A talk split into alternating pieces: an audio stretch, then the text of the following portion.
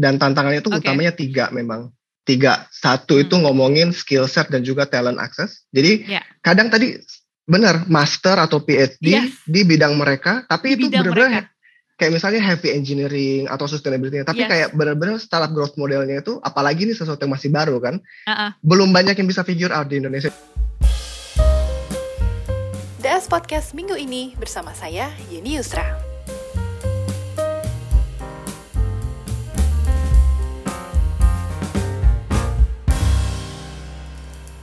Hai Jo, apa kabar? Halo Mbak Yeni, kabar baik. Salam Dirimu kenal apa ya. kabar?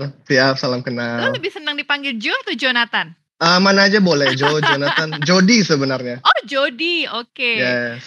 Oke, okay, Jody, before we dive into the conversation, mungkin Jody bisa cerita Eko XYZ Team ini apa sih sebenarnya? Seru banget ya, namanya, baik. Jo. Nama kita sebenarnya uh, pronounce-nya ekosistem. Okay. Jadi kita ekosistem eh, ini kita sebuah venture builder. Uh-huh. Uh, sepertinya salah satu yang pertama di Indonesia yang khusus untuk membangun solusi lingkungan. Jadi yeah. kita uh, climate tech venture builder dan hmm. kami mengembangkan startup-startup di bidang macam-macam di vertikal lingkungan seperti renewable energy, waste management, energy efficiency, hmm. uh, carbon capture, nature based solution dan lain-lain. Menarik juga karena saat ini bertepatan juga ada beberapa startup hingga uh, venture capital yang bikin program dan funding khusus untuk mengcater climate tech dan uh, kayak turunannya gitu. Jadi ngeliat emang saat ini saat yang tepat ya didukung dengan G20 terus uh, udah mulai yes. banyak visi yang aware gitu.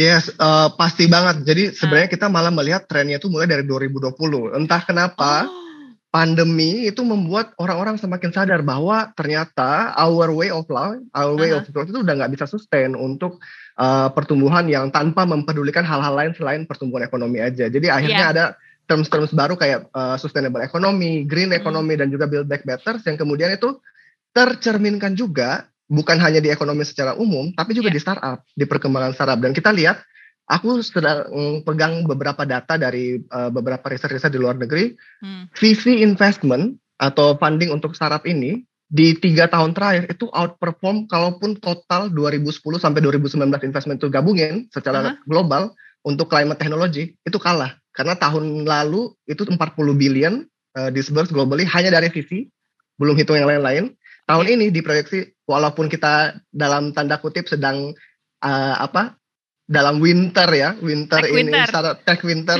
startup investment tapi kita masih melihat bahwa uh, pertumbuhan investment di climate tech atau di sustainability mm-hmm. itu tetap naik gitu. Jadi tetap okay. sekitar 40 billion proyeksinya. Jadi wow. this is a very good time.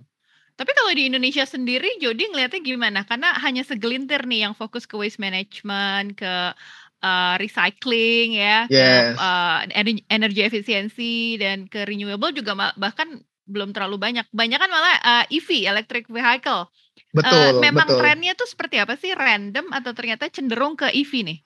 Betul, sebenarnya kalau kita ngomong ya uh, hmm. di global pun sama sebenarnya dengan di Indonesia oh. bahwa tren global juga uh, mobility investment itu paling besar bahkan kalau kita hitung perbandingan antara invested capital dibanding potensial carbon reduction eh, carbon emission reductionsnya hmm. udah nggak udah nggak outsize tuh jadi udah terlalu banyak duit untuk mobility sedangkan yang lain kurang tapi secara umum memang uh, sedang berkembang karena teknologi yang paling mature mungkin EV uh, yeah. mobility. Jadi makanya dia duluan gitu. Tapi yeah. yang lain tuh pada catch up. Kayak kita lihat circular economy, terus hmm. kemudian kayak uh, energy efficiency dan renewables itu udah naik lumayan bagus. Sekarang ada term-term baru kayak nature based solution, science based uh, technologies itu sudah mulai juga uh, naik tuh investmentnya. Yeah. Walaupun masih uh, perlahan tentu karena di early stage kesannya uh. kan kecil tuh, lebih kecil daripada kalau di EV yang sudah mature teknologinya sekali invest 200 yes. juta, 500 juta US dollar beda kan, beda uh -uh. size gitu. Nah, menarik juga karena uh, gue juga sempat ngobrol sama uh, penggiat-penggiat ya masih sedikit jumlahnya juga tapi lumayan lah ya dapat insight menarik. Mereka bilang belum banyak visi lokal yang uh, tertarik gitu untuk invest ke sini. Akhirnya lebih banyak visi luar. Jody setuju dengan statement itu? Yes and no. Jadi oh. uh, uh, benar. Kalau dibilang lebih banyak visi luar benar. Oke. Okay. Tapi visi di dalam negeri juga mulai melirik Jadi kita Oh. mulai melihat ada active transitions dari visi-visi untuk uh, investing here. Mungkin yang harus diperhatikan malah jangan cuma geografinya tapi tiket size-nya. Ya. Jadi tiket size kalau yang besar-besar di atas 1 juta US dollar itu masih banyak kok. Uh, apalagi yang visi lokal juga udah mulai main ke sana itu cukup cukup intens. Yang di bawah 1 juta yang visibility-nya masih agak unproven modelnya nah, itu yang Hmm. agak-agak masih perlu untuk diberikan uh, de-risking mechanism kita bilangnya. Aktivitas Oke. untuk mengurangi resiko investment. Dari sisi eh, dari sisi monetization eh, strategi monetisasinya udah bisa mendapatkan keuntungan nggak sih? Karena kalau kita lihat ya sebagian besar nih saraf-saraf yang menyasar eh, climate tech dan yang terkait lainnya gitu sektornya B2B nih, Jody. B2C itu Yes. kayaknya masih susah. Banyak banget challenge-nya dia bilang. Jadi kita for for the easy start kita ke B2B. Apakah memang landscape-nya seperti itu, Jo? Betul betul. Kalau itu memang masih betul karena Oke. eh, gimana ya? Memang kalau kita B2B kan go to marketnya relatif lebih terukur dan lebih mudah ya sekali dapat klien lebih bisa jangka panjang. Kalau B2C kan kita butuh massive adoption dan Yes. juga eh, affordability dari solutions dan teknologinya di level masyarakat yang mungkin lapisannya sangat bervariasi. Makanya kita juga kalau dari ekosistem nanti aku bisa ceritakan detailnya Iya. tapi dari ekosistem kita juga makanya sekarang lagi keluarin campaign percaya Hmm. hashtag percaya ekopreneur maksudnya adalah banyak kok solution-solution baik produk, goods gitu kan atau services yang ada alternatif sustainability-nya. Coba untuk consumer di level B2C lebih memberikan kesempatan untuk mencoba produk-produk dari lain yang lebih sustainable gitu. Tapi Artinya- memang itu masih uh, progress. Artinya ekosistem juga masih kategorinya terbatas nih startupnya nih. Apa semua yang menyasar ke climate tech dan turunannya eh, di dilirik nih sama ekosistem? Semua yang menyasar climate tech kita lirik, tapi Oke. memang secara praktis ya atau taktis ya uh, yang banyaknya lebih ready yang masih kebanyakan B2B dan B2G malah. Oh, ya ya ya ya. Itu juga B2B dan eh, B2G. kar- karena eh, lebih ini ya, le- lebih relevan ya B2G itu ya. Iya, Ya. betul betul. Oke. Eh, cara kerjanya venture builder ekosistem sendiri beda nggak sih dengan venture builder lainnya? Karena fokusnya nih Yes. agak-agak lebih niche banget gitu loh, Jo. Betul, uh, sengaja banget dibikin niche dan kita ada ada nanti saya bisa uh, share decknya, tapi pada dasarnya kita ada tiga pilar kerja sebenarnya. Beda sama venture builder yang lain yang mungkin bisa benar-benar fokus purely venture building aja. Kalau kita nggak bisa Hmm. karena ekosistemnya belum terbangun, makanya kita mau membangun ekosistem Hmm. ekosistem venture builder. Jadi uh, kita ada venture building activities tentu itu Hmm. di tengah namanya Impact Lab. Uh, terus kemudian di sebelah kiri kita ada talent buildingnya dan juga launchpad programs uh, Oh. untuk inkubasi-inkubasi untuk kita seleksi dan juga belanja portofolio sehingga visibility entrepreneursnya lebih banyak. Itu kita Hmm. bilang exit program dan juga di sebelah kanan kita ada sinergi platform gitu. Itu, bentuknya bisa jadi business matchmaking, bisa jadi funds, bisa jadi syndication dan juga uh, exit planning supaya nanti startup yang sudah dibangun punya pathway dan journey yang jelas. Itu kita bilangnya sinergi platform. Makanya XYZ itu sebenarnya pilar, pilar kerjanya kita gitu. Oh, Jadi exit, impact lab dan juga sinergi XYZ oke. gitu. Tapi nyambung ya. Nyambung. Sekarang sudah ada startup yang di nurture nggak oleh ekosistem atau masih curated nih sekarang? kita sekarang yang paling besar kita sudah nurture itu Waste for Change. Uh, ada beberapa kita lagi nurture masih di level pre-seed dan juga bootstrapping. Di energy efficiency ada Enertech, di uh, apa namanya isu climate resilience ada reservoir dan lain-lain gitu. Jadi ada yang sudah di nurture sebagai portofolio. Nah, Hmm. kita tapi bukan hanya portofolio, portofolio itu maksudnya yang sudah masuk di Impact Yeah. Lab ya, dan kita Yeah. benar-benar bantu untuk uh, co-found. Tapi kita ada nih seleksi entrepreneur dan juga pipeline buildingnya dari launchpad activities. Tadi Hmm. exit activities itu ya. Contohnya yang sekarang lagi jalan kita didukung oleh Uni Eropa untuk bangun uh, apa namanya ekosistem climate tech uh, di Indonesia. Kita akhirnya kurasi 20 startup, 10 di level ideation, 10 di level early stage yang sudah jalan dan sudah punya revenue. Nah, itu ada yang akan kita bawa juga menjadi portofolio nantinya. Itu dalam bentuk dukungannya dalam bentuk networking, funding atau apa nih? Yes, jadi kita ada semacam incubation class-nya, Hmm. terus kita showcase lewat demo day, dan kita akan fund um, to some extent. Kalau untuk yang dari uh, Launchpad program, nanti setelah mereka lulus Launchpad, kalau ternyata sesuai dengan investment thesis-nya kita, kita akan uh, top up uh, small amount of capital dan kita provide service gitu. Oke. Jadi service-nya macam-macam lah. Ntar uh, bisa ada operational service, bisa ada uh -huh. go to market services. Kita jadi benar-benar positioning kita itu sebenarnya bukan funder.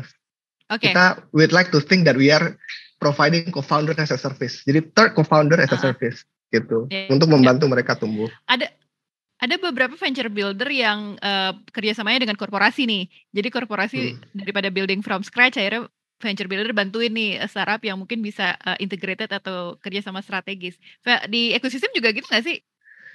Um, ada yang kita bantu, terutama investor okay. kami, karena kami juga kayaknya we are one of the only one yang venture builder modalnya kita invested as a holding company. Oh, gitu.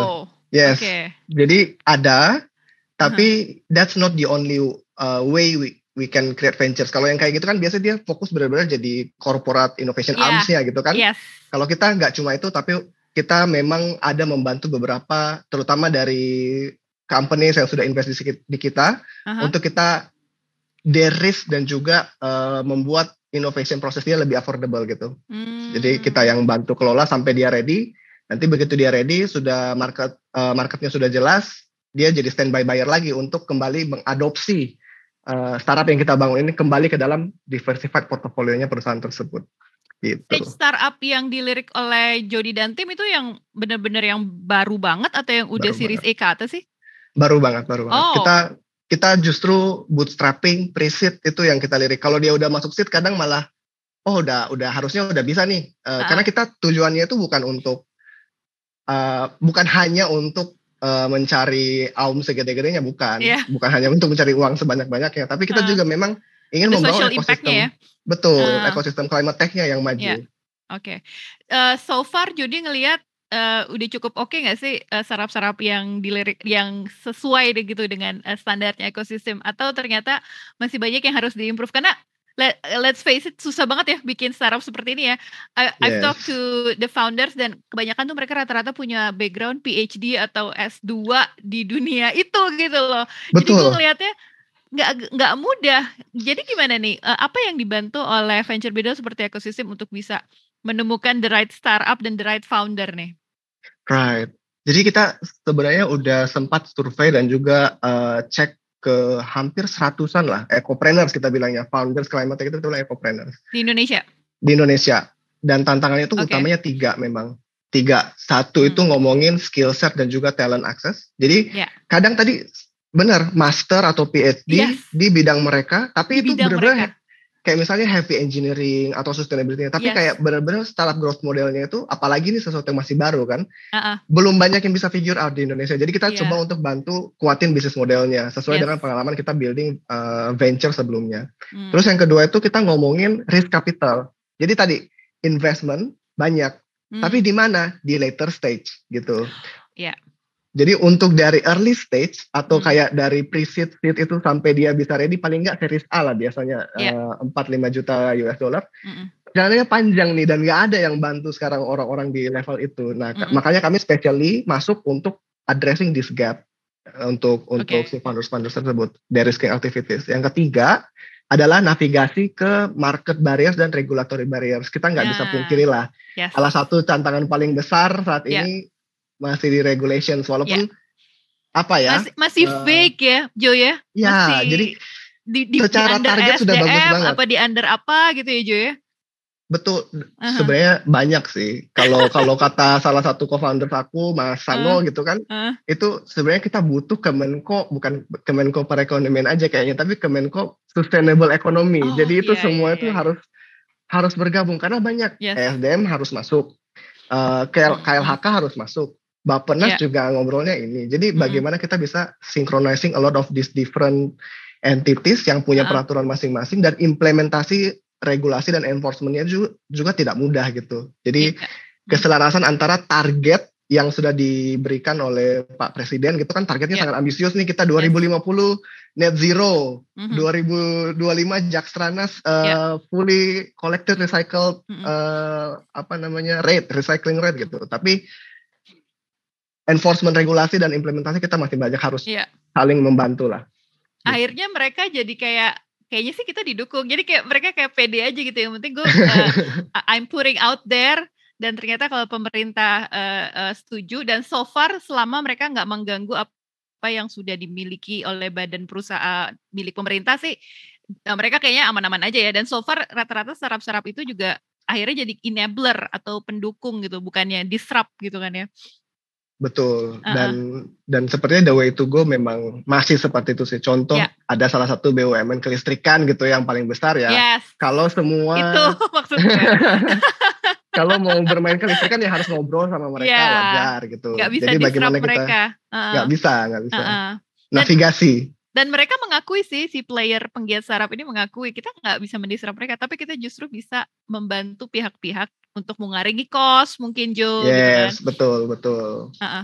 Tapi dengan membangun ekosistem ini dari regulasi sendiri dan regulator nantinya bisa akan ada impactnya nggak sih? Karena kan sekarang ekosistemnya masih kecil banget nih, masih small banget nih. Jadi ngelihatnya apa sih yang harus diperkuat nih supaya lebih banyak lagi penggiat saraf. Jadi jangan on demand lagi, jangan social commerce lagi gitu loh Jo. Ayolah iya, kita betul. climate tech gitu loh Jo. Aku sepakat banget dengan uh -uh. itu Mbak Yeni. Jadi uh -uh kalau kalau kami sih sebagai ekosistem ya, tentu aku hanya bisa ngobrol dari ekosistem perspektif ya. Okay. Um, um, dari kami, kami melihat dua arah. Satu di satu sisi pemerintah kita kan hanya mau atau diincentivize untuk mengatur kalau marketnya sudah ada, gitu. Oh. Kalau misalnya sudah ada sesuatu nih, ada pergerakan, potensi ekonominya yes. jelas. Soalnya saya pernah ngobrol juga, kalau ini belum jelas, ngapain saya atur? Ntar malah membatasi inovasi. Ada benarnya gitu. Ya.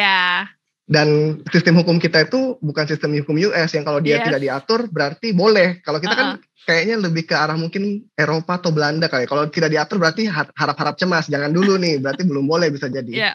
Nah, jadi itu hmm. satu sisi marketnya kita harus bentuk. Di sisi lain, kadang-kadang kan uh, barriersnya tadi paling besar adalah adanya regulasi-regulasi yang uh, abu-abu ini kan yeah. tadi uh, dan juga uh, blocker-blocker yang ini.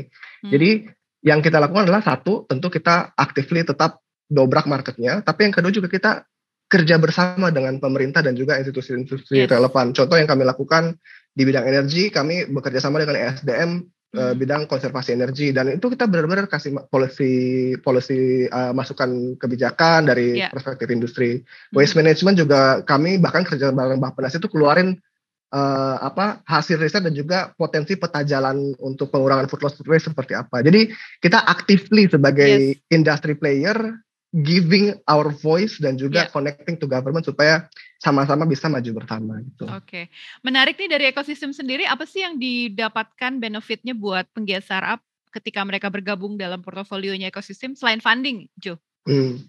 Kita tentu uh, karena startup itu is a very lonely journey kan. Yeah. Kalau misalnya kita mulai sendiri nggak ada siapa-siapa, nggak ada bantuan. Kadang hmm. juga aku dari daerah by the way, aku bukan orang Jakarta. Oh. Jadi uh, apa namanya? Kalau misalnya orang kayak aku yang bapaknya juga bukan siapa-siapa kan nggak kenal siapa-siapa nih. Yeah. Jadi akses itu kadang susah banget, yes. terutama di climate tech yang butuh akses yeah. di mana-mana. Nah, jadi kami membantu untuk memberikan akses yang sudah kami bangun dengan trust dan relationship yang sudah kami bangun uh, beberapa tahun terakhir. As the group, kita juga ada foundation armnya kita Green Generation Foundation. Jadi kita kita membawa mereka ke komunitas yang lengkap gitu. Yes. Akses to hmm. market bisa lebih mudah, terutama B2B. Akses ke financing uh, kita juga bukan kita sendiri yang invest, tapi kita ada membentuk jaringan sindikasi investment. Hmm. Uh, terus kemudian uh, apa namanya akses to government untuk relationship uh, dan juga tadi menyuarakan bloker-blokernya di mana aja. Kita sudah membangun beberapa relationship yang cukup strategis lah dengan aktor pemerintah. Jadi kita membantu untuk benar-benar uh, mendorong pertumbuhannya itu semakin cepat dan kami bukan sebagai advisor aja, kami yeah. actually bersama mereka operating on the ground gitu. Oh. Jadi jadi kata kuncinya itu makanya kita bilangnya kita bukan kita bukan advisor kita bukan investor hmm. kami venture builder yeah. treat us as if we are your co-founder gitu iya yeah. uh, menarik tadi Jody sempat mention soal green fund itu karena gue juga sempat ngobrol sama beberapa founder mereka lebih tertarik di funding oleh green fund atau ORG ya daripada VC hmm. karena mungkin uh, pengembaliannya itu uh, lebih uh, fleksibel karena mereka butuh uang banyak gitu ya. Itu Betul. salah satu akses yang juga diberikan oleh ekosistem ya ke networking ke green fund itu. Betul. Kita sampai saat ini kalau dari ekosistem langsung itu ke, kita baru bisa memberikan uh, small amount of capital dan juga akses ke green fund tadi. Jadi kita oh, punya wow. banyak macam-macam uh, partners yang memberikan akses itu. Tapi ke depannya sebenarnya kita lagi coba Uh, ini belum belum pasti, tapi okay. sebagai salah satu dari tools di sinergi pilar kita di tahun depan, kita lagi mau coba bisa nggak sih kami kelola pendanaan khusus untuk climate tech startup di early stage gitu. Jadi kami mau coba pakai blended financing model, jadi ada kerjasama yes. public dan private. Kita khusus khusus hanya untuk benar-benar climate tech yang impactnya jelas dan di early stage, hmm. sehingga dia nanti bisa tap into opportunity yang besar di uh, later stage gitu. Itu lagi kita garap. Itu itu kan dicari saja. oleh pegiat uh, startup uh, green di Indonesia saat ini based on my conversation dengan beberapa uh, foundernya. Target ekosistem untuk tahun depan apa? Nambah portofolio atau masih curated dulu nih? Karena nggak sembarangan hmm. kan untuk ngasih investasi ke sektor seperti ini ya Jo? Betul. Kita sih rencananya memang uh, setahun dua tahun ke depan total kita hanya akan cari delapan dulu sebenarnya ya akan benar-benar kita support gitu okay. sebagai bagian dari impact lab portofolionya kita yang yang venture buildingnya. Kenapa delapan? Karena kita merasa uh, delapan ini akan merepresentasikan masing-masing vertikal yang kritikal yes. untuk kita bangun dalam lima tahun ke depan supaya bisa punya dampak yang besar dan juga potensi ekonominya jelas gitu. Nah untuk itu uh, clear. Tapi apakah kemudian kita nggak bisa kerja bareng dengan startup-startup lain? Enggak, karena ada okay. tadi program-program launchpad, capacity buildings dan juga hmm uh, engagement yang sifatnya mungkin walaupun bukan portofolio kita tapi kita bantu untuk uh, go to market gitu. Jadi uh, lebih banyak akan lebih banyak aktivitas di masing-masing pilar. Exit X, uh, Impact Lab Y dan juga sinergi platform uh, Z-nya yang akan kita kerjakan di tahun depan. ya. Iya, milestones uh, ya. Untuk mereka yang mau akses uh, keep in touch with you guys ke mana nih? Ke LinkedIn, ke social media, ke website? We are available everywhere di Instagram, LinkedIn, sosial media kita ada semua uh, dengan handler at ecosystem. Okay. Uh, tentu pakai X Y Z. Uh-huh. Uh, lalu juga kita uh, ada email di hello at ecosystem.com. Okay. We'll be always happy to Oh yay. Meskipun meskipun banyak ya Jody ya, uh, ready baca cold email ya. Siap. Thank you banget Jody atas waktunya. Kita tunggu update dari ekosistem dan gue dukung terus deh supaya uh, makin banyak ya startup-startup seperti ini di Indonesia. So far so good loh jadi based on uh, apa uh, artikel yang udah ditulis oleh DS dan kayaknya sih ke depannya bakal lebih banyak lagi ya Jo ya. Tahun depan Amin, nih. amin. Semoga semakin uh -huh. lancar, semakin besar dan kita melihat kita sering bikin memes tuh. Wah, kalau misalnya teh company lagi main kora-kora, mungkin kita saatnya nih kita yang lebih stabil untuk yeah. perlahan tapi pasti menggantikan peran. Iya. yeah e-commerce okay. dan on demand. Yes. Oke, okay, thank you Jody. Terima kasih atas waktunya ya. Sukses terus buat ekosistem ya. Terima kasih Mbak Yeni okay. dan teman-teman dari sosial. DS Podcast minggu ini bersama saya Yeni Yusra.